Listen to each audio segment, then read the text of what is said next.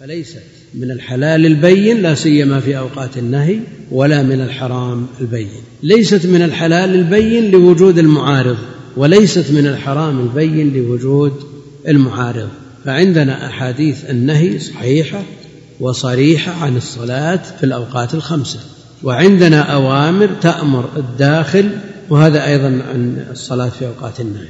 تأمر الداخل بأن لا يجلس أو تنهاه أن لا يجلس حتى يصلي ركعتين. فإذا دخل الإنسان في مثل هذا الوقت حديث صحيح يقول لا تجلس حتى تصلي ركعتين وحديث صحيح يقول لا صلاة بعد العصر. هذا يورث التشابه. لا شك أن هذا يورث التشابه لأنه ليس من الحلال البين ولا من الحرام البين.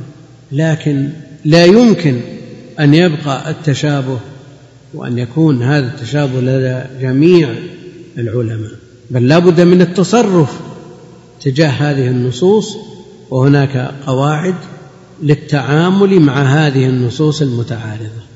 معروف قول جمهور أهل العلم وهو المنع مطلقا من التنفل في هذه الأوقات الأوقات الخمسة لا صلاة بعد العصر حتى تغرب الشمس ولا صلاة بعد الفجر أو بعد الصبح حتى تطلع الشمس وثلاث ساعات كان رسول الله صلى الله عليه وسلم ينهانا أن نصلي فيهن وأن نقبر فيهن موتانا الأوقات المضيقة الثلاث حينما تطلع الشمس بازغة حتى ترتفع وحين يقوم قائم الظهيرة حتى تزول الشمس وحين تتضيف الشمس للغروب حتى تغرب.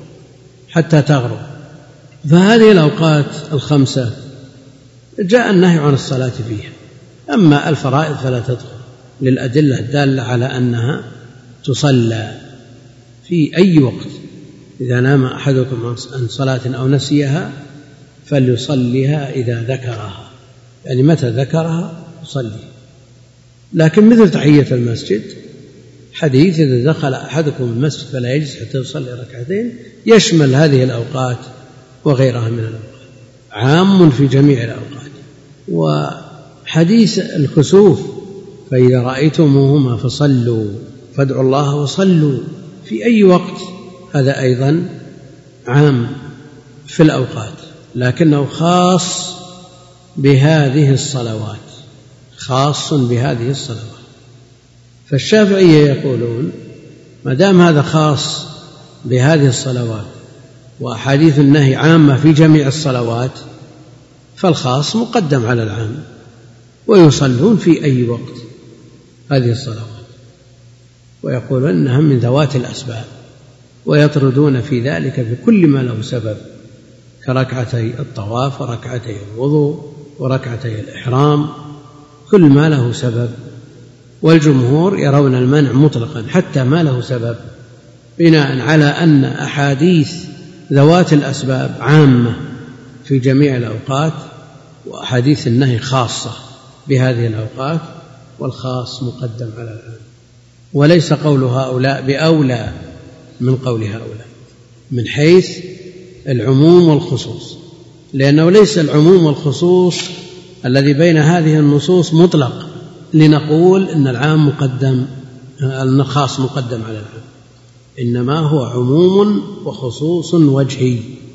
وهذه المسألة مثل ما ذكرنا سابقا يقرر جمع من أهل العلم أنها من عضل المسائل ما يأتي طالب علم مبتدئ ويقول أحاديث النهي عامة وحديث ذوات الأسباب خاصة والخاص مقدم على العام ويصلي في أي وقت بنفس مرتاحة.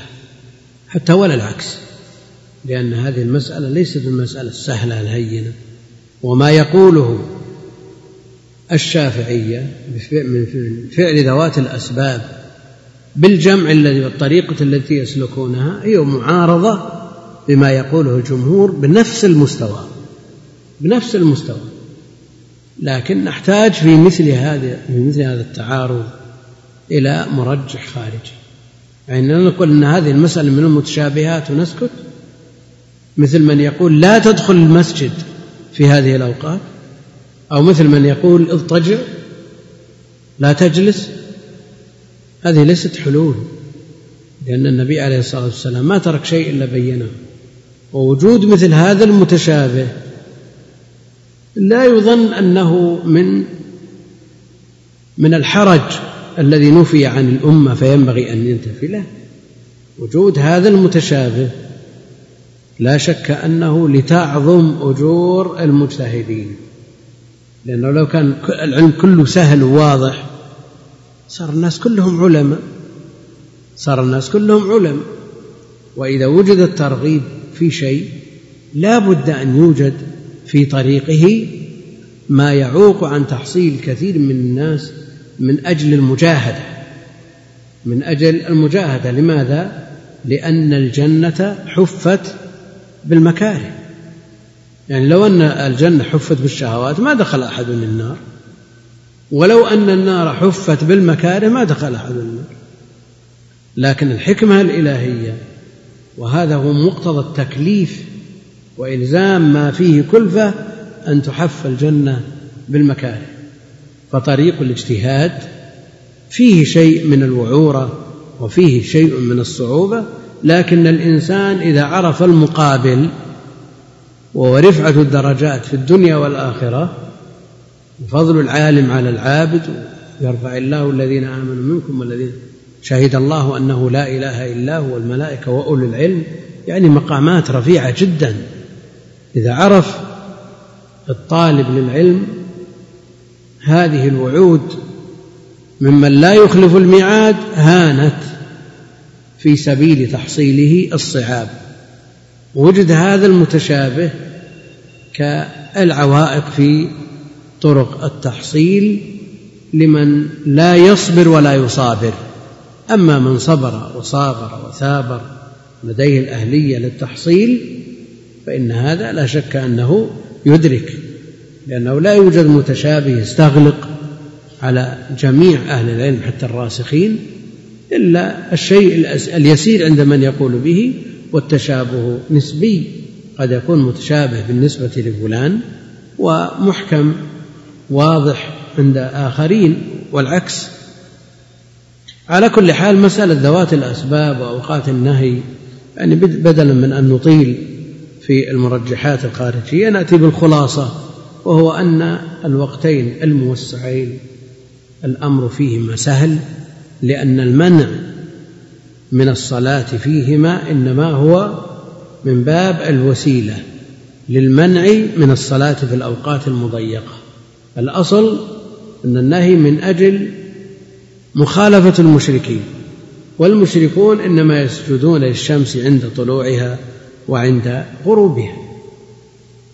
فلئلا يسترسل الانسان في الصلاة حتى يصل إلى الوقت المضيق منع من الصلاة من بعد من بعد طلوع الصبح إلى طلوع الشمس وارتفاعها ومنع أيضا من صلاة العصر إلى أن تتضيق للغروب فيأتي الوقت المضيق. فالصلاة في هذين الوقتين الموسعين أمرها سهل وأما بالنسبة للصلاة في الأوقات المضيقة وهي قصيرة فالأمر فيها أشد. والذي يترجح عندي أن الإنسان لو صلى تحية المسجد في الوقتين الموسعين لا حرج عليه. لكن إذا دخل المسجد في الأوقات المضيقة الثلاثة عليه أن ينتظر عليه أن ينتظر. هل يجوز الاقتداء بالمسبوق؟ إن دخلت مع شخص وقد فاتكما شيء من الصلاة فلما قال سلم الإمام من صلاته قمتما لقضاء ما فاتكما. نعم يجوز أن يقتدي أحد المسبوقين بالآخر إذا كان يصلح أن يكون إماما له لأنهما في حكم المنفردين بعد سلام الإمام. الذي يقضي الصلاة بحكم المنفرد ويجوز له أن يقتدي بمن بجواره. لكن النبي عليه الصلاة والسلام في غزوة تبوك فاته. بعض الصلاة مع عبد الرحمن بن عوف ولم يقتدي بمن بجواره ولم ينقل ذلك. لكن لو اقتدى الأمر فيه ساعة إن شاء الله تعالى. يقول متى يقوم المسبوق إلى إتمام صلاة صلاته؟ أبعد سلام الإمام الأولى أم الثاني؟ بعد الثاني. بعد السلام الثاني. هل يجوز زواج زوج العم مقصود أنه ينبغي أن يكون السؤال هل يجوز الزواج بزوجة العم؟ هكذا. لعل المراد هل يجوز الزواج بزوجة العم؟ زوجة العم ليست بمحرم فإذا طلقها أو مات عنها وفرغت من عدتها لك أن تتزوجها. يقول كيف نتقي الشبهات في مسائل الاختلاف في رك... مثلا في ركعة دخول المسجد بعد العصر؟ إذا كنت أهلا للنظر في الأدلة والاستدلال فتعمل ما يؤديك إليه اجتهادك. تعمل بما تدين الله به من علم. وإذا كنت لست بأهل للنظر والاجتهاد ففرضك تقليد من تبرأ الذمة بتقليده ممن جمع بين العلم والدين والورع. يقول وجدت منصق كتب عليه لا يليق مد الرجلين تجاه المصاحف. فما الحكم في ذلك؟ لا شك أن مد الرجلين تجاه المصاحف امتهان. امتهان ولو لم يقصد أما إذا قصد فالأمر أعظم. سم. بسم الله الرحمن الرحيم. الصلاة والسلام على أشرف الأنبياء والمرسلين سيدنا ونبينا محمد وعلى آله وصحبه أجمعين. قال الإمام العلامة الحافظ النووي رحمه الله تعالى الحديث السابع عن أبي رقية تميم بن أوس الداري رضي الله عنه أن النبي صلى الله عليه وسلم قال الدين النصيحة. قلنا لمن؟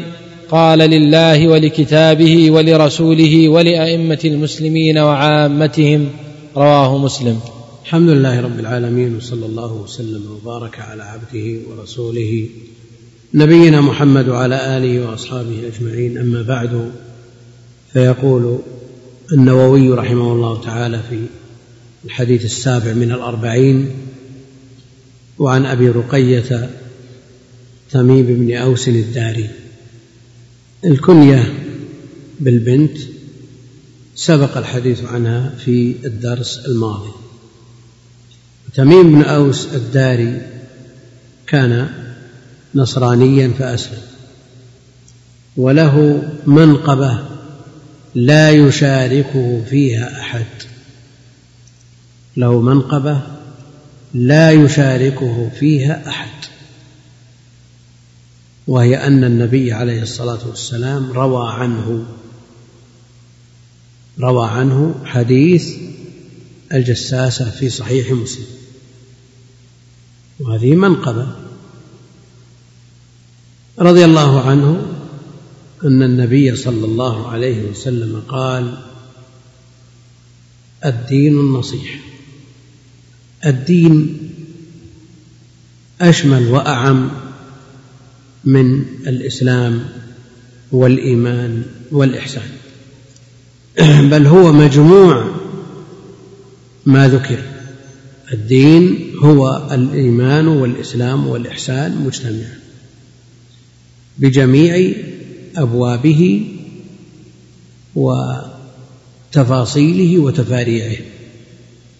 لأن جبريل لما سأل النبي عليه الصلاة والسلام في الحديث الذي تقدم عن الاسلام عن الإسلام والإيمان والإحسان قال النبي عليه الصلاة والسلام في آخر الحديث هذا جبريل أتاكم يعلمكم دينكم. فدل على أن الألفاظ الثلاث داخله في الدين. والأمر كذلك في حديث من يرد الله به خيرا يفقهه في الدين. من يرد الله به خيرا يفقهه في الدين. فالدين أشمل من أن الفقه. والدين أشمل من باب أو أبواب من أبواب العلم. فلا يستدل على من يعنى بالتفسير وما يتعلق بالقرآن. ما يستدل عليه بأن الفقه أفضل لأن النبي عليه الصلاة والسلام قال من يريد الله بخير فقهه في الدين. هو يتفقه في الدين وإن كان يعاني التفسير. ولا يستدل بحديث من يرد الله به خيرا يفقهه في الدين على من يتخصص في العقيدة مثلا.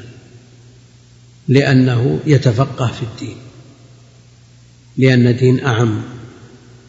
ولا يورد هذا الاستدلال على من يتخصص بالسنة والحديث لأنه يتفقه في الدين. فالدين أعم من أن يكون المراد به الاصطلاح العرفي المقصور على الأحكام العملية. فالمراد بالدين بجميع أبوابه الشامل للفقه العملي والفقه العقدي الذي يسميه أهل العلم الفقه الأكبر وما يؤخذ منه من أصول من الكتاب والسنة وما يعين على فهم الكتاب والسنة كل هذا تفقه في الدين. كل هذا تفقه في الدين. الدين بما يشمله مما ذكر النصيحة. الدين النصيحة. الدين مبتدأ والنصيحة خبر. الدين مبتدأ والنصيحة خبر. والجزآن للجملة من المبتدأ والخبر معرفتان. وإذا كان الأسلوب بتعريف جزئي الجملة فإنه من أساليب الحصر. أساليب الحصر. فكأن الدين كله النصيحة. وكأنه قيل ما الدين إلا النصيحة أو قيل إنما الدين النصيحة هذا حصر. كما في قوله إنما الأعمال بالنيات أسلوب حصري. وتعريف جزئي الجملة من أساليب الحصر. الدين النصيحة وجاء في الحديث الحج عرفة. الحج عرفة هذا أيضا حصر. لكن إذا تأملنا في الحديثين الحج عرفة فقط. يعني الحاج يأتي إلى عرفة ويجلس فيها ويقف فيها ويرجع لا يحرم لا ينوي الدخول في النسك وهو ركن ولا يطوف ولا يسعى وهو ركن ولا يبيت بمنى ومزدلفة وهما من الواجبات ولا يحلق أو يقصر من شعره. وهو واجب من الواجبات. إذا قلنا بمقتضى الأسلوب الحصري قلنا للإنسان أن يأتي إلى عرفة ويرجع لأن الحج عرفة. لكن الأمر كذلك أو لا؟ ليس الأمر كذلك. بل أركان الحج كما هو معروف نية الدخول في النسك والوقوف بعرفة والطواف والسعي كلها لا بد منها. كلها أركان. إذا ما فائدة الحصر في قوله الدين النصيحة أو الحج عرفة؟ يعني هناك حصر حقيقي وهناك حصر إضافي. الحصر الحقيقي إذا اقتضى مفهومه انتفاع انتفاء ما عداه. هذا حصر حقيقي. لا إله إلا الله. لا معبود بحق إلا الله. هذا حصر حقيقي. لأنه لا يوجد غيره. من يعبد بحق لا يوجد سوى الله جل وعلا. وأما بالنسبة للدين النصيحة والحج عرفة والشاعر حسان والكريم حاتم وهكذا من الأساليب التي يفهم منها الحصر لكنه حصر إضافي. حصر إضافي وليس بحصر حقيقي. فرق بين الحصر الحقيقي الحقيقي الذي له مفهوم والحصر الإضافي الذي لا مفهوم له. الدين النصيحة الدين عرفناه أنه بعمومه يشمل جميع أبواب الدين كله محصور في النصيحة وهي حيازة الحظ للمنصوح له حيازة الحظ للمنصوح له. من قولهم نصحت العسل إذا خلصته من الشوائب. أو نصحت الثوب إذا خطته وكل هذا فيه تسديد للنقص الحاصل سواء كان في المنصوح أو في العسل المخلص من الشوائب أو في الثوب المرفو بالخياطة. هذه حيازة حظ للمنصوح له. الدين النصيحة قالوا ولا يوجد كلمة تجمع الخير كله مثل هذه الكلمة ومثل كلمة الفلاح. النصيحة بمع بجميع ما تحمله هذه الكلمة من حيازة للحظ لمن أسديت له هذه النصيحة. في بعض الروايات ثلاثا الدين النصيحة الدين النصيحة الدين النصيحة. ثلاث مرات كررها لأهميتها. وسكت عليه الصلاة والسلام. سكت عليه الصلاة والسلام لكن الصحابة رضوان الله عليهم لا يتركون مثل هذا الأمر المجمل حتى يبين. وهذا فيما يحتاج إليه. يقيض الله جل وعلا من يسأل ويستفصل. أما ما لا يحتاج إليه فقد يستمر فيه الإجمال لعدم الحاجة إليه لأن هناك أمور مجملة في الكتاب والسنة ليس المكلف بحاجة إلى معرفتها وهناك مبهمات في الكتاب والسنة. ما قال الصحابة رضوان الله عليهم؟ من هو, من هو؟ وجاء رجل من أقصى المدينة ما قالوا من هو يا رسول الله؟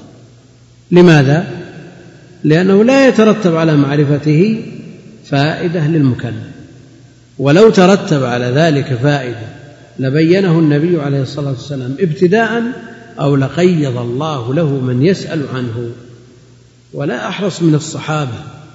يعني بعض طلاب العلم اليوم تجد وده أن يتمنى أن ينتهي الدرس بسرعة. فتمر أمور مجملة في كلام المعلم فلا يستفصل خشية أن يطول الكلام. صحيح هذا موجود. ما لما فهمت يا أخي؟ يقول لك والله ما فهمت. ليش ما سألت؟ ما سأل عشان ينتهي الدرس. لكن هل هذا يتصور في الصحابة؟ لا يمكن. قلنا لمن يا رسول الله؟ النصيحة لمن؟ ما دام الدين النصيحة من ننصح؟ قال لله ولكتابه ولرسوله ولأئمة المسلمين وعامتهم رواه مسلم. فهذا يدلنا على أن ما لم يسأل عنه الصحابة لا سيما بعد جمع الطرق للخبر لم الذي لم يسألوا عنه نجزم بأننا لسنا بحاجة إلى معرفته. إذ لو كنا بحاجة إلى معرفته لقيض الله من يسأل عنه كما هنا. قلنا لمن يا رسول الله؟ النبي عليه الصلاة والسلام أخر البيان إلى وقت الحاجة. وأهل العلم يقولون لا يجوز تأخير البيان عن وقت الحاجة. لكنه يجوز تأخيره إلى وقت الحاجة. قال لله ولكتابه ولرسوله النصيحة لله تكون باعتقاد وحدانيته وألوهيته والإيمان بجميع ما جاء في كتابه وعلى لسان رسوله عليه الصلاة والسلام مما يتعلق بالذات الإلهية من أسماء وصفات وأفعال مما صحت به الأخبار. ولا بد من تحقيق ذلك ولا بد من تخليصه وتنقيته من شوائب الشرك والبدع والمعاصي.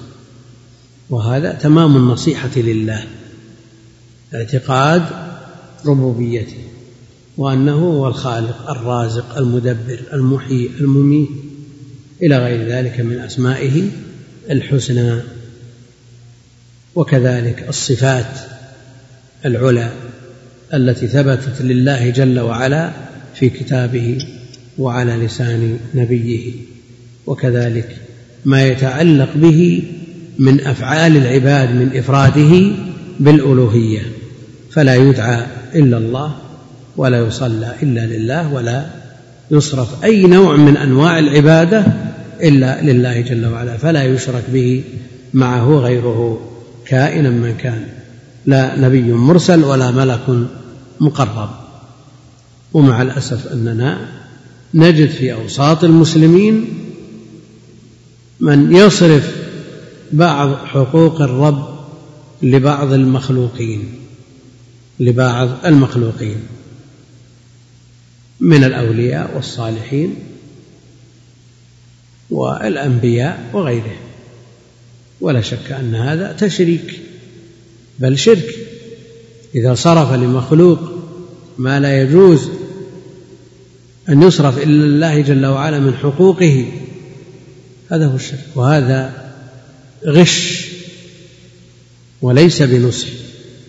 والنصيحة على خلاف هذا بل لا بد من الإقرار بالربوبية والألوهية وما أثبته لنفسه وأثبته له رسوله عليه الصلاة والسلام من أسماء وصفات واعتقاد أنه هو المدبر وأنه هو الخالق لا خالق سواه ولا رب إلا إياه. نعم يوجد من يصرف بعض حقوق الله كالدعاء. يدعو المخلوق ويرجو المخلوق ويخاف المخلوق ويذبح للمخلوق ويطوف على قبر المخلوق. كل هذه عبادات لا تجوز إلا لله جل وعلا.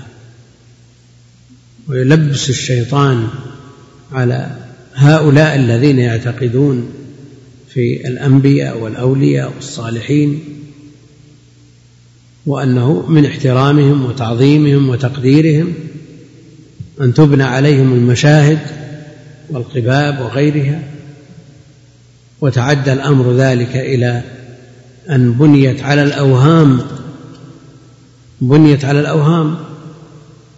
ففي كشمير ضريح الشعرة. ضريح من أعظم وأكبر الأضرحة. إيش الشعرة هذه؟ قالوا إنها شعرة من شعر الشيخ عبد القادر الجيلاني. عليها ضريح كبير. وصفوا ما وصفوا من أن المياه تجري من تحت هذا الضريح. فإذا جرت وخرجت من الطرف الآخر بيعت كما يباع الطيب. يباع الماء هذا كما يباع الطيب. وهذا غلو. إياكم والغلو فإنما أهلك من كان قبلكم الغلو. لعن الله اليهود والنصارى اتخذوا قبور أنبيائهم مساجد. اتخذوا قبور أنبيائهم مساجد. وبنيت المساجد على القبور ودفن الأموات في المساجد وعظموا وصرف لهم بعض ما يختص بالله جل وعلا ولكتابه. كتاب هو القرآن المحفوظ بين الدفتين الذي نزل به جبريل من عند الله جل وعلا على قلب محمد عليه الصلاة والسلام وتناقلته الأمة جيل بعد جيل ووصل إلينا كما نزل محفوظ. إنا نحن نزلنا الذكر وإنا له لحافظون. محفوظ كما أنزل مصون من الزيادة والنقصان. لا يجوز أن يزاد فيه حرف ولا يجوز أن ينقص منه حرف. وقد, وقد تكفل الله بحفظه. فلم يتطرق إليه التغيير والتبديل بينما الكتب السابقة استحفظوا عليها. وكل حفظها إلى البشر. فما حفظوها بل غيروا وبدلوا وحرفوا وزادوا ونقصوا. ولا أدل على ذلك أنك لا تكاد تجد نسختين من كتاب واحد متطابقتين. وذكر البيهقي في الشعب لا في دلائل النبوة ذكر البيهقي في الدلائل أن القاضي يحيى بن أكثم دعا يهوديا إلى الإسلام فما استجاب. ولما كان على رأس السنة يعني بعد مضي سنة كاملة جاء هذا اليهودي ليعلن إسلامه عند يحيى بن أكثم. فقال له ما الذي منعك من الإسلام؟ لما دعوتك في العام الماضي وجئت مسلما في هذا العام؟ قال في هذه المدة نسخت نسخا من التوراة وزدت فيها ونقصت وقدمت وأخرت فذهبت بها إلى اليهود فاشتروها مني واعتمدوها وصاروا يقرؤونها ويعملون بها. ثم عمدت إلى نسخ نسختها من الإنجيل وفعلت فيها كما فعلت بالتوراة. ثم ذهبت بها إلى النصارى في سوقهم فاشتروها مني تخطفوها من يدي وقرأوها وعملوا بها وقد صنعت فيها ما صنعت. ثم عمدت إلى نسخ من القرآن نسختها وغيرت فيها شيئا يسيرا. لا يكاد يفطن له. فلما عرضتها على الوراقين من المسلمين كل من رآه رماه في وجهي وقال هذا محرف فجزمت بأن هذا الدين هو الحق وأنه هو المحفوظ وهو الباقي. يقول يحيى بن أكثم لما حججت عرضت القصة على سفيان ابن عيينة فقال لي هذا موجود في القرآن. هذا موجود في القرآن. إنا نحن نزلنا الذكر وإنا له لحافظون. تكفل الله بحفظه.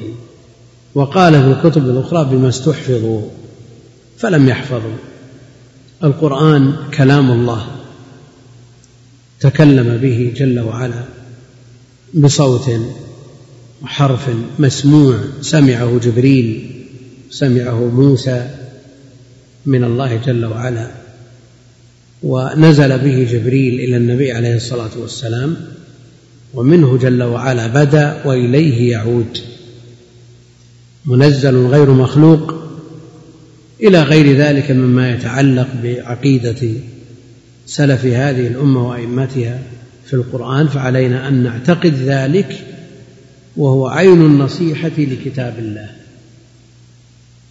إضافة إلى العمل به بالائتمار بأوامره والانتهاء عن نواهيه إضافة إلى تلاوته حق تلاوته على الوجه المأمور به بالتدبر والترتيل وتعظيمه وعدم امتهانه وكل ما فيه تعظيم للقرآن فهو مطلوب وهو من النصيحة لكتاب الله.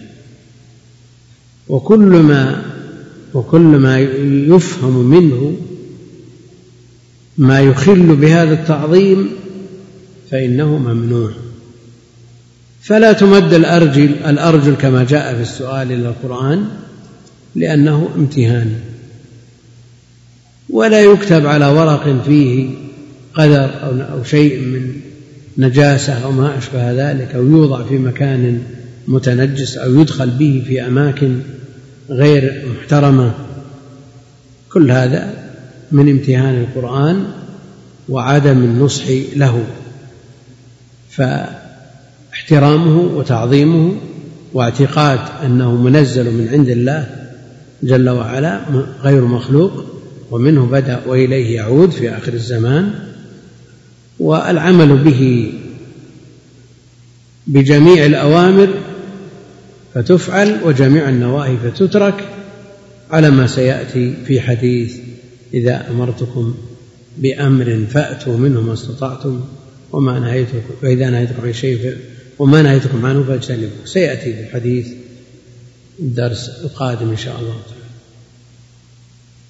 ولرسوله ولرسوله النصيحة للرسول عليه الصلاة والسلام يعني كونه يشار إليه بمقتضى الحكمة إذا استشار هذا ظاهر.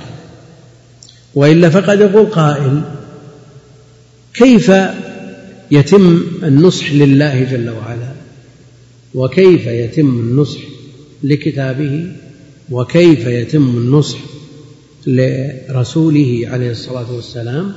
ونحن إنما نتلقى الهدى الذي منه النصح من الله وكتابه ورسوله. نصيحة على الوجه الذي ذكر لا إشكال فيه. ليس معنى أن الله جل وعلا بحاجة إلى أن ينصح ويوجه كما كما أن المخلوق بحاجة إلى ذلك. والكتاب الكامل الشامل الذي من قام يقرأه كأنما خاطب الرحمن بالكلم هذا ليس بحاجة إلى نصح بمعنى تسديد فهو الكامل الذي لا يحتاج إلى تسديد لأن أصل النصح التخليص من الشوائب أو إزالة النقائص كالخرق في الثوب بالخياطة ونحوها والله جل وعلا وكتابه ورسوله ليسوا بحاجة إلى النصيحة بهذا المعنى وإنما النصيحة لهم بالمعنى الذي تقدم. النصيحة للرسول عليه الصلاة والسلام باعتباره بشر. ينوبه ما ينوب البشر ويعتريه ما يعتري البشر. النصح ظاهر يعني استطب عليه الصلاة والسلام وطب غيره واستشار في الحروب وأشير إليه وحينئذ يجب بذل النصيحة وإذا حرم الغش لأحد الناس فلن يحرم بالنسبة له عليه الصلاة والسلام من باب أولى. هذا من, من هذه النواحي وهي أمور يسيرة. لكن هل النبي عليه الصلاة والسلام باعتباره مؤيدا بالوحي وبحاجة إلى نصيحة أحد الناس؟ فيما استشار فيه عليه الصلاة والسلام لا شك أنه مأمور بالمشورة وأن المستشار لا بد أن ينصح له. من هذه الحيثية.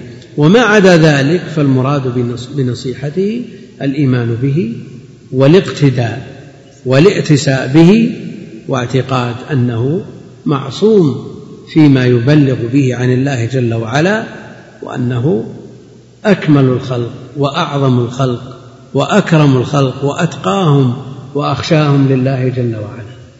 واعتقاد تعظيمه من غير غلو يخرجه من كونه عبدا لله جل وعلا رسولا منه.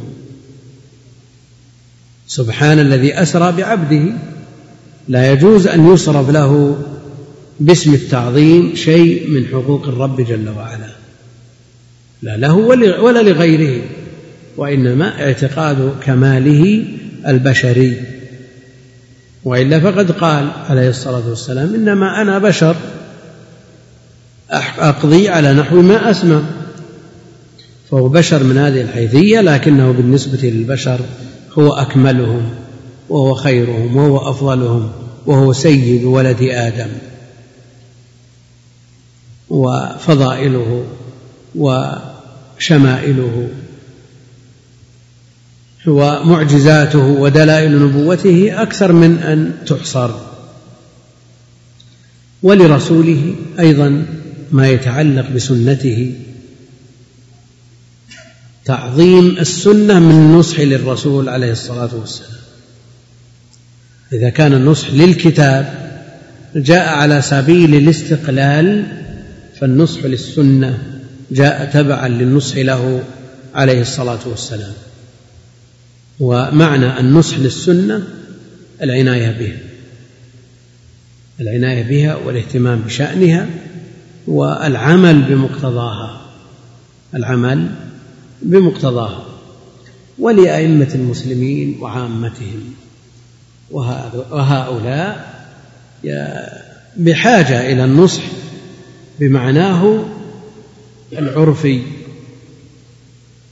ولأئمة المسلمين أئمة المسلمين طائفتان من الناس. كما يقرر ذلك أهل العلم. هم ولاة الأمور. ممن ولاهم الله جل وعلا أمور المسلمين. هؤلاء هم الأئمة وأئمة المسلمين هم علماؤهم.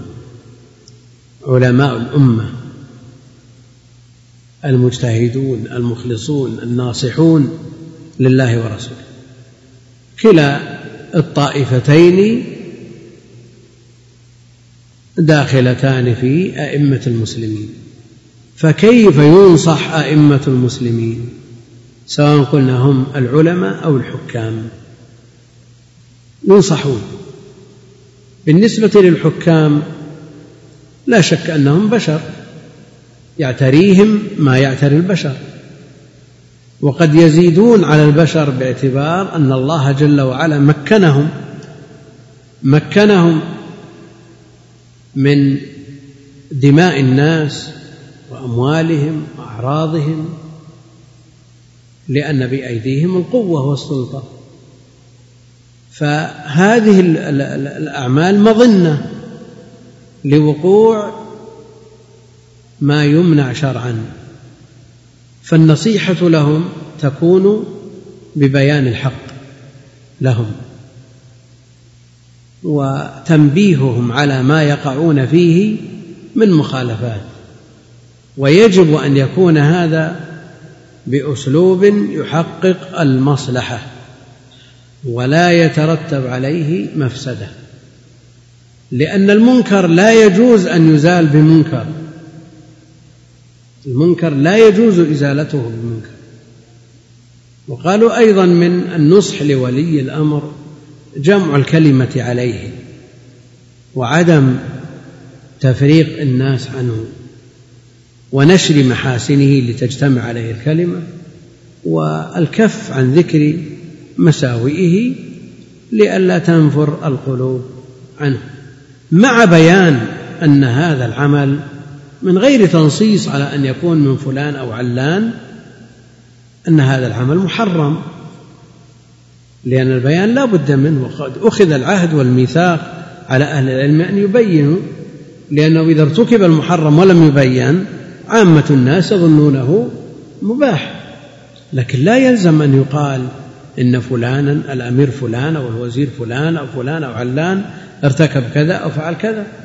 بل الأسلوب الشرعي ما بال أقوام يفعلون كذا. البيان لا بد منه.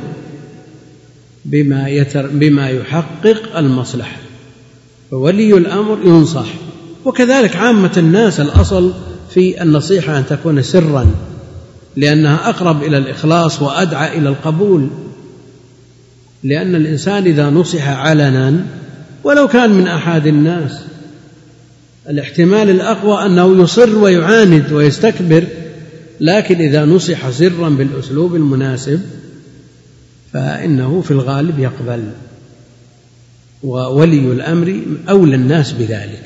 لكن لا يعني أنها تمر, تمر الأمور المحرمة وتمشي على عامة الناس من غير بيان لحكمها. يبين أن هذا الأمر محرم. لكن قد يقول قائل أنه لا قد لا يمكن البيان في بعض الأمور إلا بمعرفة أصحابها. يعني بعض الأمور يستقل بها شخص من الناس يصرح بتصريح أو يأمر بأمر فيه معصية وتتناقله الوسائل ويعرف الناس كلهم أن هذا صدر من فلان. فإذا بين على المنبر عرف الناس أن المقصود فلان. مثل هذا لا شك أنه يبادر بالنصيحة سرا ليرجع عنه ويبين هو بنفسه للناس لكن لا يمنع أنه إذا مرت هذه المسألة وجاء لها مناسبة بين حكم الله فيها. لتقوم الحجة على من أراد أن يفعل مثل هذا الفعل ولعل من فعله أن يرتدع من غير تسمية له ومن غير إجلاب عليه وإثارة لعموم الناس. ولأئمة المسلمين بالنسبة للطائفة الثانية من أئمة المسلمين وهم العلماء كيف يتم النصح لهم؟ وهم أهل العلم الذين يتوقع منهم ويتوخى منهم النصح لغيرهم. لا شك أنهم بشر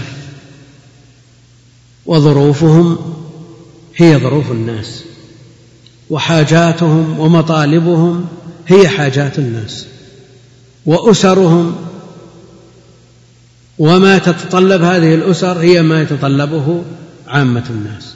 لكن يبقى أن أهل العلم باعتبار ما عندهم من علم الأصل فيهم الخير الأصل فيهم الخير. وإن وقع خلافه فهو قليل نادر مع تأويل لارتكابه أو مع ضغط عليه رأى أنه لا يستطيع الوقوف أمامه.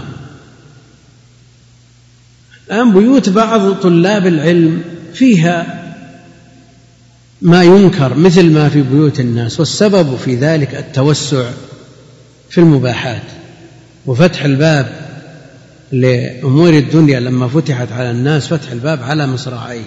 فصارت بيوت بعض طلاب العلم مثل بيوت عامة الناس بل مثل بيوت علية القوم. ويحصل فيها ما يحصل من مخالفات. هؤلاء بحاجة إلى نصيحة. هؤلاء بحاجة إلى نصيحة. وهم أولى من غيرهم بالنصيحة. لماذا؟ لأنهم قدوات. ويضل بسببهم فئام من الناس. بخلاف عامة المسلمين إذا ضل هو قد يقتدي به من يعجب به لكن عموم الناس ما يقتدون به. ما يقتدون بعامي لكن يقتدون بعالم. فإذا حصل منه مخالفة اقتدى به. وأنا أعرف أسرة كبيرة مكونة من أسر لا يوجد عندهم خادمات. لما وجدت خادمة في بيت واحد منهم من طلاب العلم كلهم استخدموا خادمات. لماذا؟ لأنه قدوة بالنسبة لهم وكلهم يتداولون هذه المقالة. لو أن الخادمة فيها شيء ما استخدمها فلان. والمسألة في الاستخدام بغير محرم. وهذا حرام لا يجوز تستخدم بغير محرم. أما وجود الخادمة في البيوت مع الحاجة إليها مع الحاجة إليها بهذا القيد لأنها أجنبية وذريعة لأن يوجد شيء من الفساد وقد وجد وأيضا مع انتفاء الخلوة المحرمة والاحتشام الكامل والحيطة والحذر كل هذا بالنسبة للحاجة تبيحه الحاجة مع وجود هذه الاحتياطات مع أن السلامة لا يعدلها شيء. السلامة لا يعدلها شيء. يعني لو أن إنسانا قال إن زوجته لا تطيق عمل البيت فهي إما أن تغسل الثياب وتنظف البيت أو تطبخ الطعام أو نحضر خادمة. لتتولى بعض الأعمال وقد يقوم مقام الخادمة شراء الطعام جاهزا. وما يصرف للخادمة يدفع فرق لهذا الطعام الجاهز نقول هذا حل لأنه كم وقع من المصائب والكوارث في بيوت المسلمين بسبب الخدم والسائقين. ووجد أيضا أنواع وضروب من السحر ووجد ظلم في البيوت من قبل أربابها لهؤلاء الخدم والسائقين فالأخطاء مشتركة بين الجهتين. إذا وجدت هذه الأمور في بيت عالم من علماء المسلمين لا شك أن الناس يبادرون بالاقتداء به ويقلدونه فيما يصنع. فإذا وجدت هذه عند العامة فضررها لا شك أنه أخف من أن توجد عند عالم ولذا نص عليهم على جهة الاستقلال أئمة المسلمين.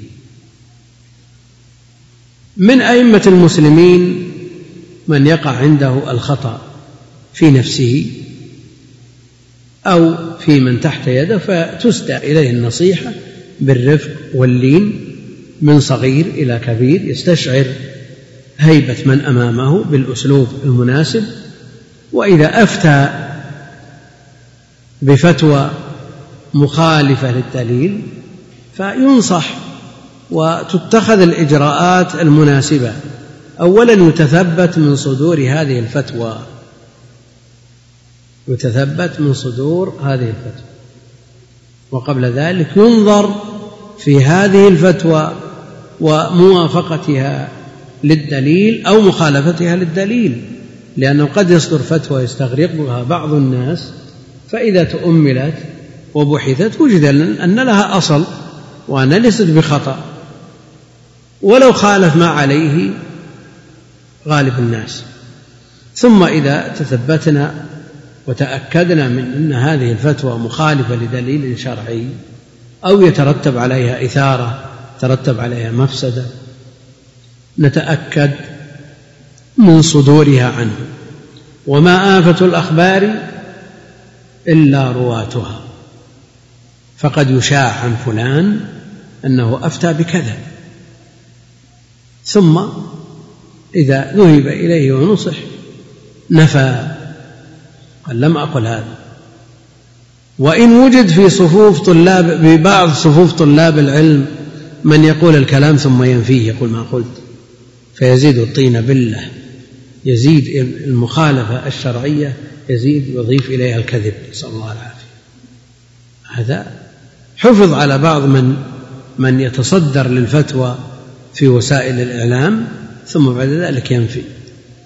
لكن العبرة في أهل العلم الصالحين المصلحين المخلصين أهل العلم والدين والتقوى والورع والعمل هؤلاء ليسوا بمعصومين.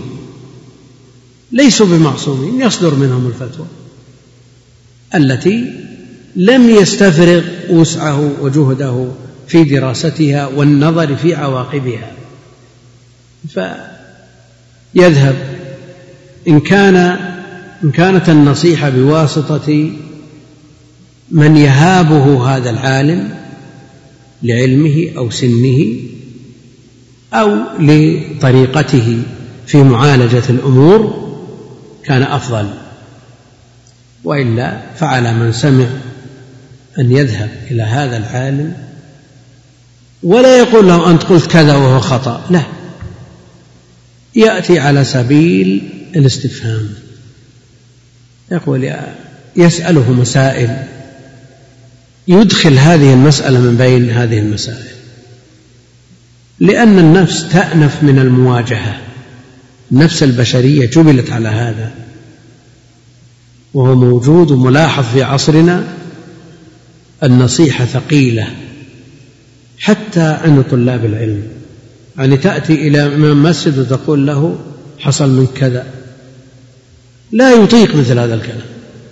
وهو في الأصل طالب علم حافظ القرآن. كل هذا لأن النفوس والنيات مدخولة ليست صافية. وإلا فالمفترض أن يفرح بمن أهدى إليه هذه النصيحة. إذا جاء إلى العالم يقول له ما رأيك في كذا وما قولك في كذا؟ وينبسط معه بالكلام حتى ينشرح له صدره ويسأله عن مسائل يجيدها هذا العالم ويميل إليها ويرتاح إليها حتى يجد الطريق والمسلك إلى قلبه. ثم يقول ما رأيك في كذا؟ ما رأيك في كذا؟ يعني معالجة الأمور لا بد منها بالحكمة لأن الهدف الإصلاح. يعني ليس الهدف أن يقال والله فلان ذهب إلى الشيخ الفلاني الكبير أغير رأيه. هل هذا هو القصد؟ هل هذه الغاية؟ أبدا. الغاية أن المنكر يزول. فعلينا أن نستعمل الوسائل المناسبة والناس يتفاوتون في قدراتهم وإدراكهم. بعض الناس من أول وهلة تستطيع أن تدلي بما تقول من أول كلمة والأمر عنده سهل ولا ينتبه لما تصبو إليه وتريد من أول الأمر وبعضهم لا. لا بد أن تأتي بمقدمات وتشرق وتغرب ثم في النهاية تعطيه ما عندك. كل, من كل هذا من أجل أن ينفتح الصدر ويستعد لقبول ما يلقى إليه. ما رأيك في كذا؟ وقد قيل به في هذا الوقت وقال به فلان من المتقدمين لا يشعر أنه هو المقصود مباشرة لكنه لكن عامة أهل العلم على خلافه والدليل الفلاني يقتضي رده وهكذا. المقصود أنه يأتي بأسلوب مناسب ليدخل إلى قلب هذا الشيخ لا سيما إذا كان كبيرا في السن كبيرا في العلم وكل إنسان يعامل بما يليق به. العامة نصيحتهم ظاهرة بدلالتهم على الخير وكفهم عن الشر باللين والحكمة والرفق فيدلون على ما يصلح شأن دينهم ودنياهم. حتى لو وجدت إنسان دخل في مشروع يغلب على ظنك أنه يخفق فيه تنصح قل هذا المشروع الذي يظهر الله أعلم قد جرب أنه لا جدوى من وراء هذه نصيحة. وإذا كان ينشغل بأمور مفضولة ويترك أمور فاضلة تسدى له النصيحة بأن يهتم بالأهم فالأهم. وجدت على هذا الشخص ملاحظة أو نقل من قبل أهلك نقلوا لك ملاحظة على أهله إن كان أهلك ممن يستطيع التغيير والنصح يقدم النصيحة للأهل مباشرة وإذا كانوا لا يستطيعون ونقلوا لك فعليك أن تسدي النصيحة لقيم هذه المرأة وولي أمرها فيحصل الخير لا سيما مع الرفق واللين ولا مانع من أن تبدى بعض المحاسن.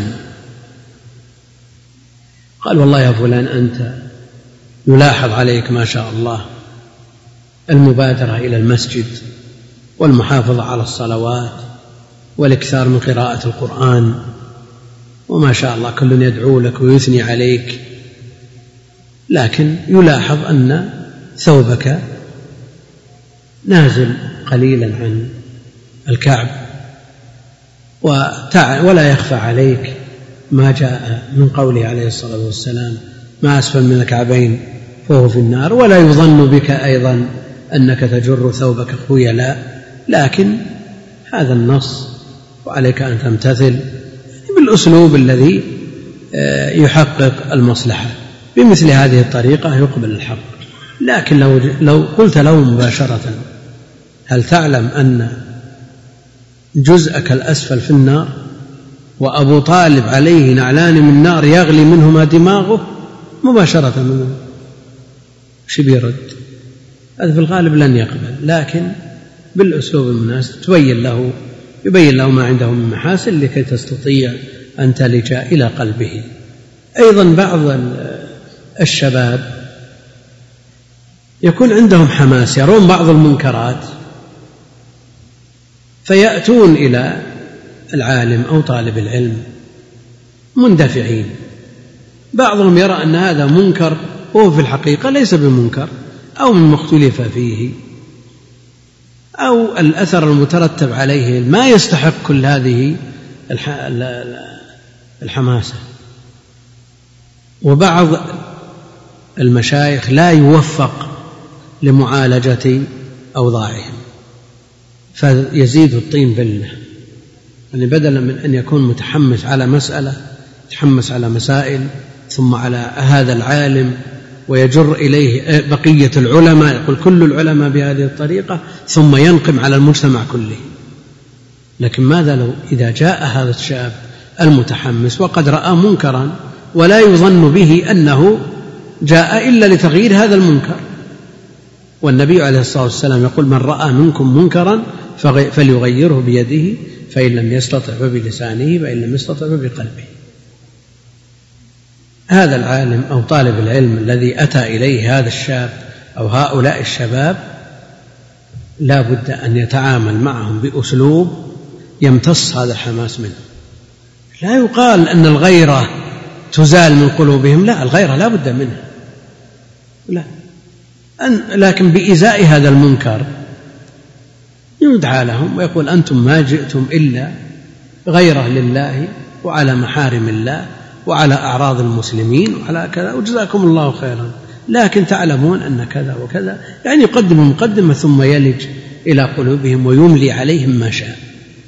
وهو بدوره بلغته هذه الرسالة منهم وعليه أن يوصلها إلى من فوقه وتنحل الأمور والإشكالات بهذه الطريقة.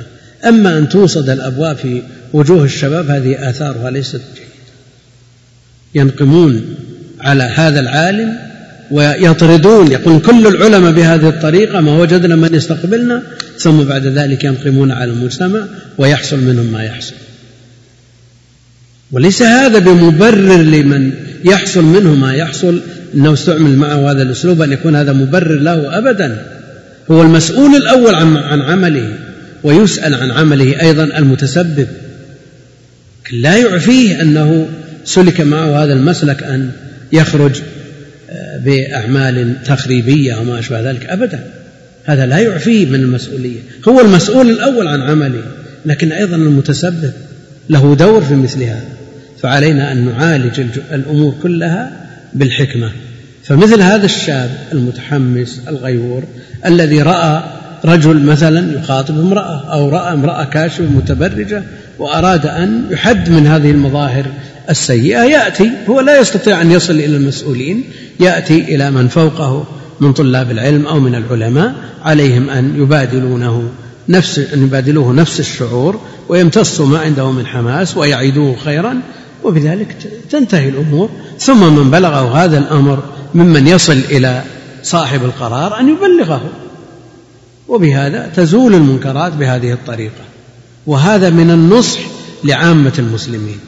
وطلاب العلم في أوائل الطلب هم محسوبين على العامة. يعني ليسوا من أهل العلم هم محسوبين من العامة. والنص العام يكون بهذه الطريقة. أيضا العالم عليه أن ينصح ولي الأمر عليه أن ينصح ويحرم عليه أن يغش. وكل من ولاه الله شيئا عليه يجب عليه أن ينصح. ولا يجوز أن يغش من ولاه ومن استرعاه الله عليه. فالوالد عليه أن ينصح الأولاد والأم عليها أن تنصح الأولاد والمعلم عليه أن ينصح الطلاب وولي الأمر عليه أن ينصح للرعية وهكذا. فالنصح عام لكل أحد. ولذا جاء في حديث جرير بن عبد الله البجلي في البيعة والنصح لكل مسلم والنصح لكل مسلم. حتى أن جريرا من باب النصح ماذا صنع؟ اشترى فرسا بثلاثمائة. اشترى فرس بثلاثمائة. ثم لما تم العقد. قال لصاحبه فرسك يستحق أكثر من ثلاثمائة. أتبيعه بأربعمائة؟ قال نعم.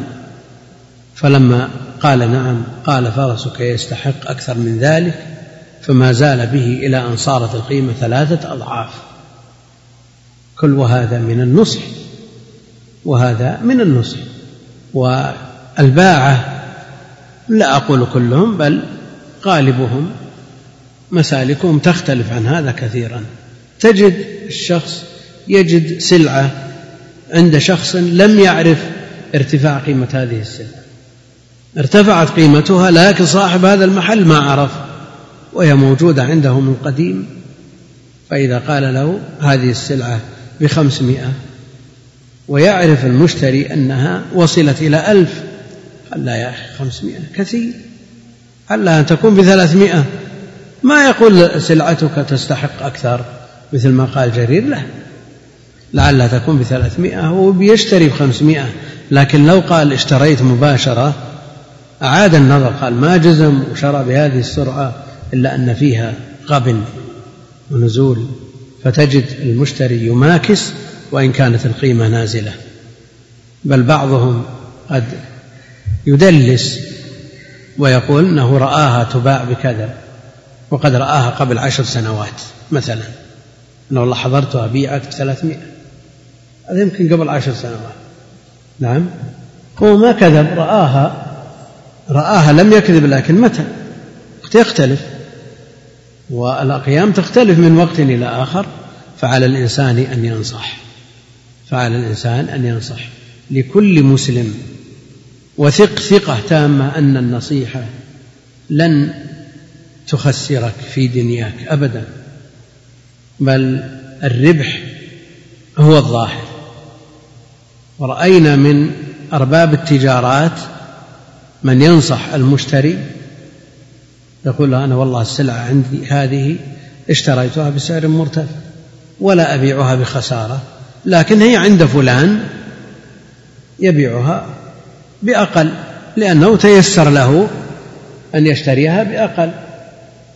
هذا نصح للمشتري. فكما يحصل النصح للبائع يحصل النصح للمشتري. وهكذا فالنصح لعامة المسلمين مطلوب كالنصح لخاصتهم. يقول رجل يمتلك أرضا وأراد بناءها فوجد فيها قبرا وظهر رفاته وتبين فهل يتركه أم يحمله إلى المقابر المجاورة؟ أولا عليه أن يسأل ويتأكد أن هذه الأرض ليست مقبرة ولا أوقفت للدفن بها. فإن كانت مقبرة وأوقفت للدفن فيها فإنه لا يجوز بيعها لأنها وقف فلا يجوز بيعها. وإذا تأكد أنها مباحة وليست وقفا من أجل الدفن فيجوز بيعها. وكان الناس يدفنون في بيوتهم أو أفنيتهم ومزارعهم القبر والقبرين وهذا لا يجعل الأرض وقف. لكن المكان الذي فيه هذا القبر وقف. لا يجوز بيعه. لا يجوز بيعه. محل هذا القبر لا يجوز بيعه. فهو مستثنى من الأرض. ماذا عما لو اشتريت الأرض ولم يعرف أن فيها قبر؟ أنت بالخيار. تردها إلى صاحبها وتقول فيها قبر والقبر هذا آه، لا شك آه، لا يجوز بيع موضعه لأنه بمجرد الدفن فيه صار وقفا على هذا القبر على هذا المقبور هذا المكان. ويمكن أن لو نبش الأرض وجد فيها قبور أخرى احتمال فإذا لم يوجد فيها إلا قبر واحد ولا يوجد فيه إلا رفات عظام يسيرة ويتضرر بوجودها وقد اشتراها وانقرض البائع وانتهى. أو اشتريت من قديم ولم يطلع على هذا القبر إلا فلو نقل هذا الرفات إلى مقبرة مجاورة أرجو أن لا بأس به. رجل قائم على حلقات التحفيظ للقرآن الكريم وشارك في الأسهم بمبلغ قدره مئة ألف وذهب هذا المال فهل يعد ضامنا له أم لا؟ أولا هل صرح له بالعمل في هذه الأموال أو لا؟ خول له أن يعمل بهذه الأموال ولا لا؟ إذا لم يخول له أن يعمل بها ولو عمل بها لمصلحة التحفيظ فإنه يضمن عليه الضمان. أما إذا إذا خول من جهة تملك وقيل له اشتغل بها وضارب بها فإن كان أمينا فلا شيء عليه إلا اليمين وإلا إن كان مفرطا فإنه حينئذ يضمن. يقول هل يجوز أخذ الجنسية في دولة كافرة لمن يعيش فيها وليس من أهلها للضرورة كأن يتمكن من استقدام أهله ونحوه؟ على كل حال المكث والبقاء بين أظهر المشركين لا يجوز. لا يجوز إلا لمن عجز فالمستضعف مستثنى في القرآن. المستضعف الذي لا يستطيع الهجرة ولا بالحيلة هذا مستثنى. يجوز له أن يبقى وإذا اضطر لأخذ الجنسية لعدم تمكنه من الهجرة وعدم بقائه بدون جنسية فالضرورة لها أحكامها. يقول هل هناك تعريف عام للعالم أو العلامة؟ لمن يقال هو عالم؟ هل هناك مرتبة معينة من الدراسة لو حفظ بعض الكتب أو في قراءتها بين لا ليس في هناك حد محدود. لكن إذا اشتهر بالعلم وكان لديه بالفعل علم بدليله يقال له عالم وإذا استفاض في الأمة علمه وانتشر نفعه قيل له علامة بصيغة المبالغة. يقول وهل المحدث كما قيل في كتب المصطلح من كتب عشرين ألف حديث إملاء وهذا الشيخ الألباني يصح أن يطلق عليه المحدث؟ في عصر الأئمة قد يقال أن من يكتب عشرين ألف حديث في تسميته محدث نظر لأنه يوجد من يحفظ خمسمائة ألف حديث سبعمائة ألف حديث مائة ألف حديث فهذا عشرين ألف حديث طويلب بالنسبة لعصرهم. لكن ماذا عن عصرنا الذي يحفظ الأربعين يقال له إمام؟ والله المستعان. المسائل نسبية كل عصر له أهله ولكل زمان دولة ورجال. يعني الذي يحفظ مثلا ألف حديث بأسانيدها يمكن أن يقال له محدث الآن. وإذا لم يصح تسمية الشيخ الألباني رحمه الله وهو الإمام المجدد في هذا الباب إذا لم يصح أن يقال له محدث فلا أعرف أحد يستحق هذا الوصف إلا أن يكون الشيخ ابن باز رحمة الله عليه الذي يجمع بين الرواية والدراية. فالشيخ الألباني رحمه الله رأس من رؤوس الحديث في هذا العصر. يقول هل يعتبر تصوير ذوات الأرواح من المشتبه الذي يجب تجنبه لأن بعض طلاب العلم إذا فعل ذلك وأنكر عليه يقول إنه لا إنكار في موضع الخلاف. أولا كون التصوير محرم هذا مما لا خلاف فيه. جاءت فيه النصوص الصحيحة الصريحة. لكن الاختلاف في تحقيق المناط في هذه المسألة. هل التصوير بالآلة يدخل في النصوص أو لا يدخل؟ وهل الذي صور صاحب الآلة أو الذي صورت الآلة؟ أو هل هذا تصوير مضاهي لخلق الله أو أنه هو خلق الله حفظ بهذه الصورة على هذه الورقة أو على هذا الشريط؟ هذا محل الإشكال. والذين صوروا صوروا من أهل العلم يرون أن هذا لا يدخل في النصوص لأن هذا في الحقيقة هو خلق الله لا يقال إنه مضاهي لخلق الله. وأقول الفرق بين الصورة والمصور هو الفرق بين الاسم والمسمى. الفرق بين الصورة والمصور هو الفرق بين الاسم والمسمى. فإذا كان من أهل العلم من يرى أن الاسم هو المسمى يقول بأن الصورة هي المصور حقيقتها هي. والذي يقول بأن الصورة غير بأن الاسم غير المسمى بدليل أنك لو كتبت زيد في ورقة وأحرقتها في النار يتألم زيد إذا الاسم غير المسمى. والصورة إذا أحرقتها يتألم المصور إذا الصورة غير المصور. فهي صورته ليست بعينه.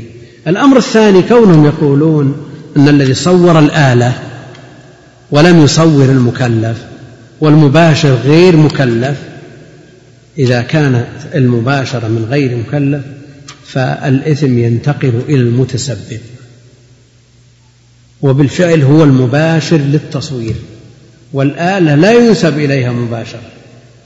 ونظير ذلك من قتل نفسا معصومة معصومة الدم بضغطة زر في المسدس كمن صور التقط صورة لذي روح بضغطة زر من الكاميرا.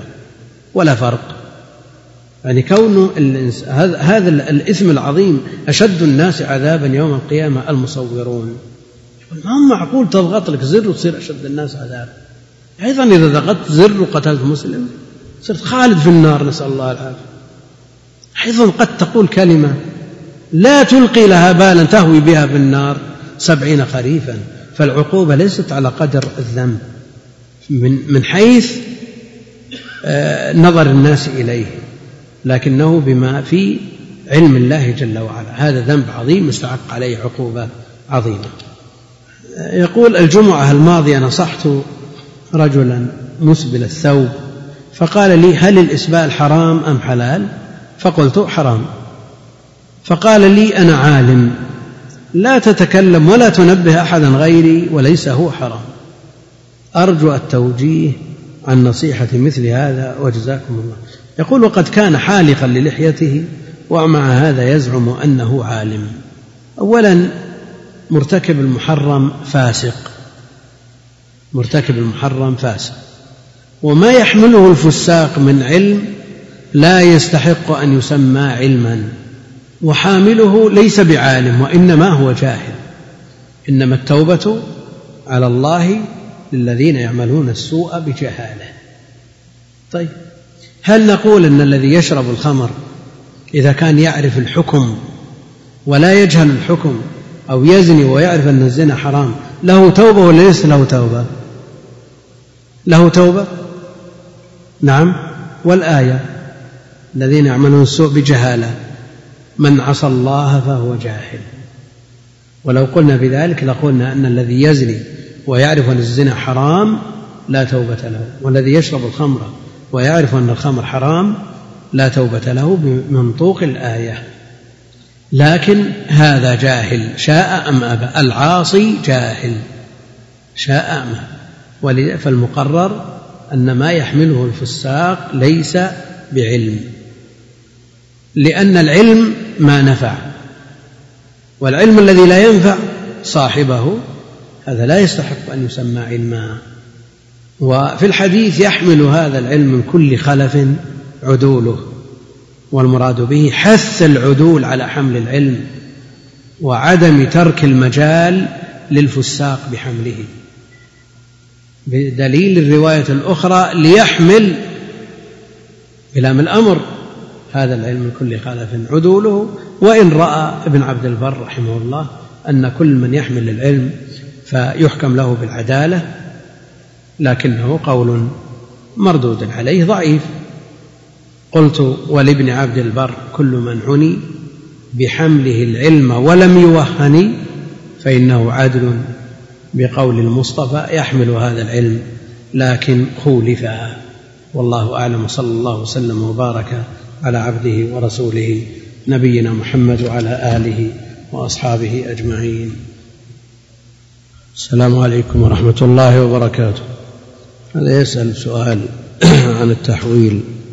يقول إذا أراد احد أن يرسل إلي فلوسا من بلاد الغرب فله طريقان.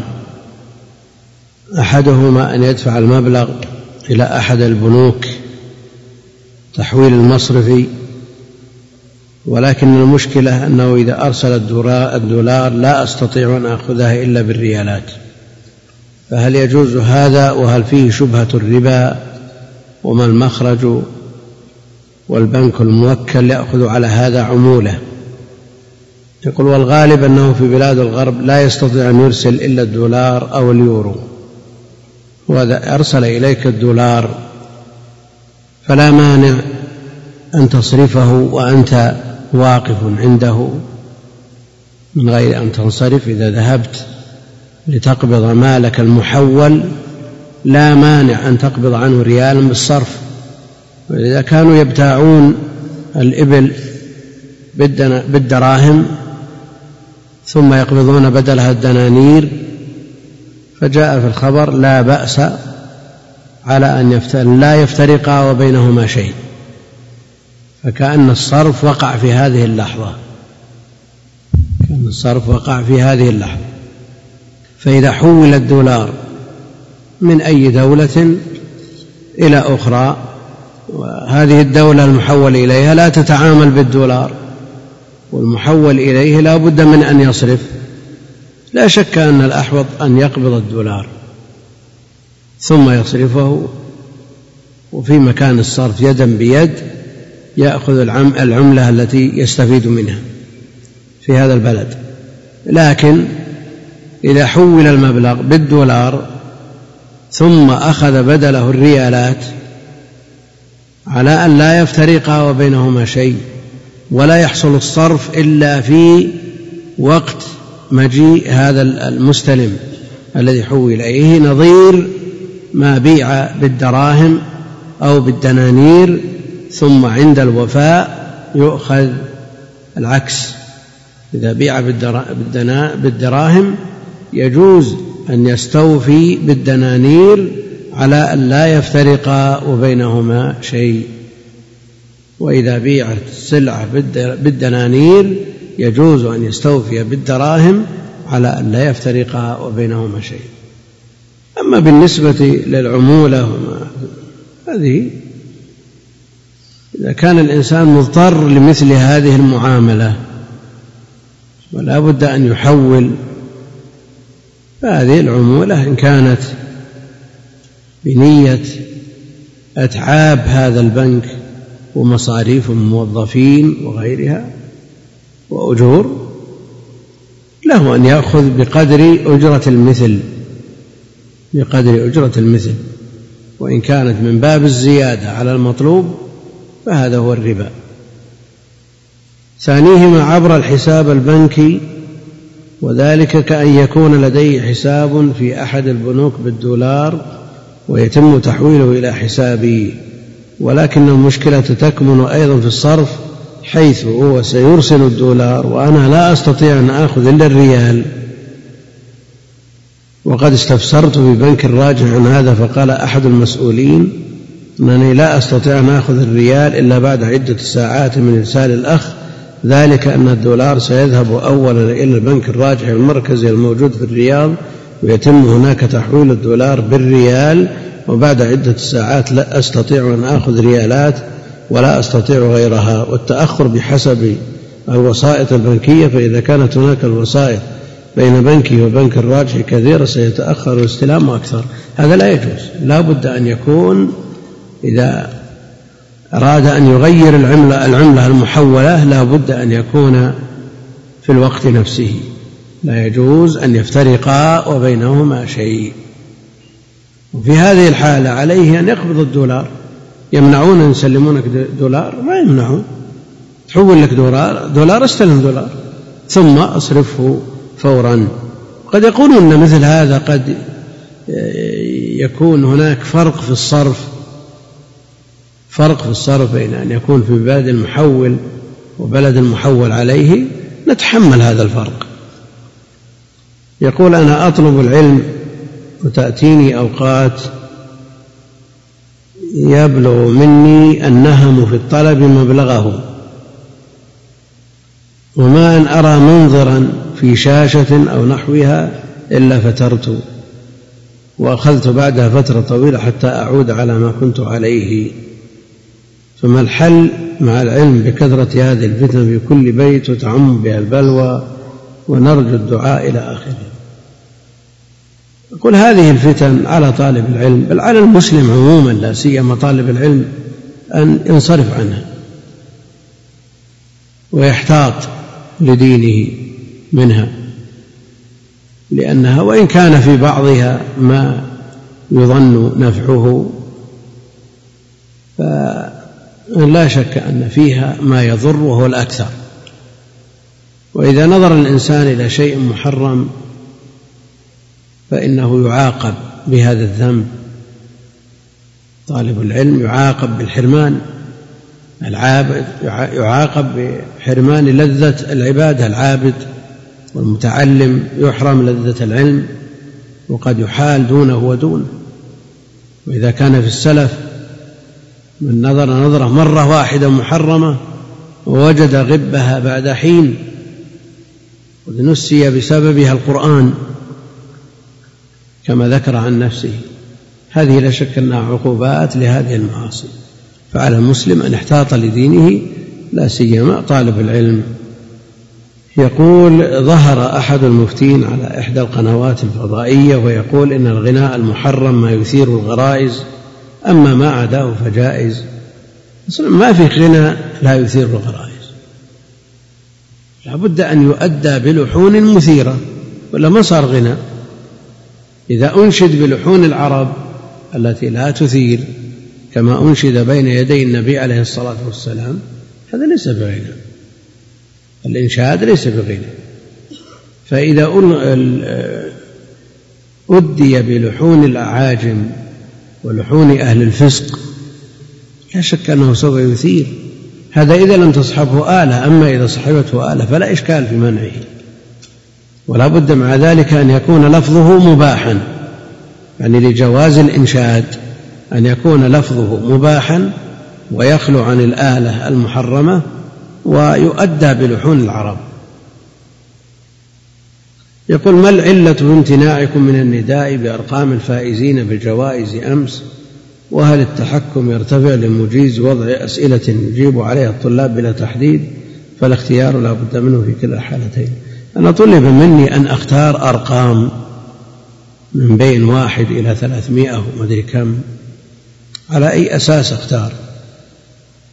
إذا كان لا على أساس بين هذا هو التحكم. وهذا التفريق بين المتماثلات كلهم طلاب وكلهم على حد سواء بالنسبة لنا. أما إذا كان هناك أسئلة وأجاب بعضهم عليها دون بعض هذا مبرر. يقول إحدى الأخوات مصابة بعيب خلقي وهو سقوط شعر الحاجبين. فما حكم غرز مادة مكانها وتستمر إلى سنتين أو ثلاث ثم تبدأ بالاضمحلال على كل حال إذا كانت مما تقذر به هذا إن صبرت واحتسبت هذا هو الأصل ولها الأجر من الله جل وعلا. وإن كانت مما تقذر به فلو وضعت مكانه مادة أن غرز الشعر قد يلحق بالوصل وإن كان ليس بوصل في الحقيقة لكن الشبهة قائمة. لو وضعت مكانه مثل الكحل أو ما أشبه ذلك كان الأمر أسهل إن شاء الله. تشقير الحاجب بلون البشرة بحيث تعد هذه المشقرة نامصة أو لا شعر في حاجبها هذا ملحق بالنمص. يقول عالم مات ولكن أفكاره الباطلة شائعة بين الناس وتقبل فكيف ينصح للعالم المتوفى؟ أولا من يشيع هذه الأفكار ومن يبث البدع لا شك أن عليه وزرها ووزر من عمل بها إلى يوم القيامة. يعني من النصيحة لهذا العالم لا سيما إذا كان فضله آه، راجح مثل هذا أن يبين ما في كتبه من من المخالفات لئلا يكثر المقتدي به فيها فتزداد ذنوبه بسببه. وأما بالنسبة للأحياء فلا بد من بذل النصيحة لهم. قول النبي صلى الله عليه وسلم اللهم لا تجعل قبري وثنا يعبد. هل يفيد أن رسول الله صلى الله عليه وسلم لن يعبد البتة لأنه عليه الصلاة والسلام أستجاب الله دعاءه؟ اما أن الواقع يشهد أن من أمته من عبده ودعاه بمغفرة الذنوب وقضاء الحاجات. ابن القيم رحمه الله تعالى يرى أن الدعوة أجيبت فلا يتمكن أحد من عبادته ومن أهل العلم من يرى أن الدعوة لم تجب على كل حال ما يتعلق به عليه الصلاة والسلام من غلو وأمور حصلت من بعض الغلاة تصل إلى حد الشرك هذا موجود ولا ينكر.